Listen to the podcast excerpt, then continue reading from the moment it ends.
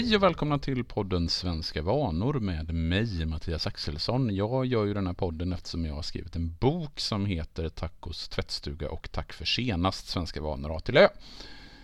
I den här podden så gör jag veckovis små nedslag i olika traditioner och vanor och liknande. Och den här veckan så tänkte jag prata lite om fastlagen som ligger framför oss här Eh, från och med söndag. Eh, fastlagen, det är ju det som kommer precis innan fastan. Det kommer av det tyska fastelavent, alltså dagarna före, aftonen före fastan. Och den kristna påskfastan, den håller ju på i 40 dagar fram till påskdagen minus de söndagarna som är under fastan. Så egentligen kan man säga att det är 46 dagar, för det är 40 dagar plus 6 söndagar då man inte fastar. Och påskfastan den inleds ju med askonsdagen, 46 dagar före påsken. Och dagen precis innan askonsdagen, det är den vi kallar för fettisdagen. Och fettisdagen, det är alltså nu på tisdag den 25 februari.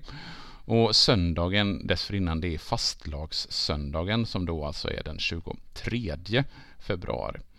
Och fastlagen, det är alltså de här tre dagarna inför fastan. Och tanken är, eller var, så länge som man hade fasta, att man skulle äta upp sig och ha fest under fastlagen. För man kan säga att fastlagen det är alltså fastans direkta motsats. Om man under fastan undviker att äta viss typ av mat, framförallt kött, så under fastlagen så ska man äta fet mat, man ska äta fläsk, man ska äta gräddig och eh, tung mat inför fastan. Och det som framförallt lever kvar i traditionen i Sverige idag, det är ju semlan eller fastlagsbullen eller fetistagsbullen som den också har hetat. Men numera så kallas den väl i princip bara för just semla. Och det är ju lite intressant det här att man har valt, eller valt, man har kvar den godbiten. Fastan är ju för de allra flesta borta. Det är, sen Sverige blev protestantiskt på 1500-talet så förekommer det inte fasta mer än eh, hos de som till exempel är katoliker. Jag tror att även ortodoxa fastar, men de har en liten annan kalender som de följer den julianska kalendern, så det stämmer inte riktigt överens. Men nåväl, det som lever kvar i den svenska traditionen fortfarande, det är ju semlan. Och semlan ska man ju då traditionellt äta på fetisdagen. Jag brukar mena att man faktiskt kan äta den under hela fastlagen, alltså även på fastlagssöndagen och på måndagen och då givetvis även på fetisdagen. Numera, eller sedan ganska lång tid tillbaka, så kan du köpa semlor i butik eh, från egentligen efter jul, eller åtminstone i början på januari. Men jag menar ju att börjar man äta semlor för tidigt, då förtar man lite av det som blir speciellt med att äta en semla. Och att det heter just semla kommer från det latinska ordet simila som betyder det fina mjölet. För grejen med de första fastlagsbröden det var att de bakades på det vita fina mjölet, vilket inte var då vardagsbröd utan ett festbröd som man åt. Så från början så var det egentligen det fina bröd, alltså ett, ett vitt bröd. Och sen när sockret blev under 1700-talet billigare så blev bullen också söt. Sen kom mandelmassan under 1800-talet och vispgrädden gjorde sin entré vid förra sekelskiftet eller början på 1900-talet. Och från åtminstone, eller från mitten av 1900-talet så har semlan sett ut ungefär så som den ser ut idag. Alltså som en efterrätts, eh, eller man äter den till fika, man äter det till en kopp kaffe.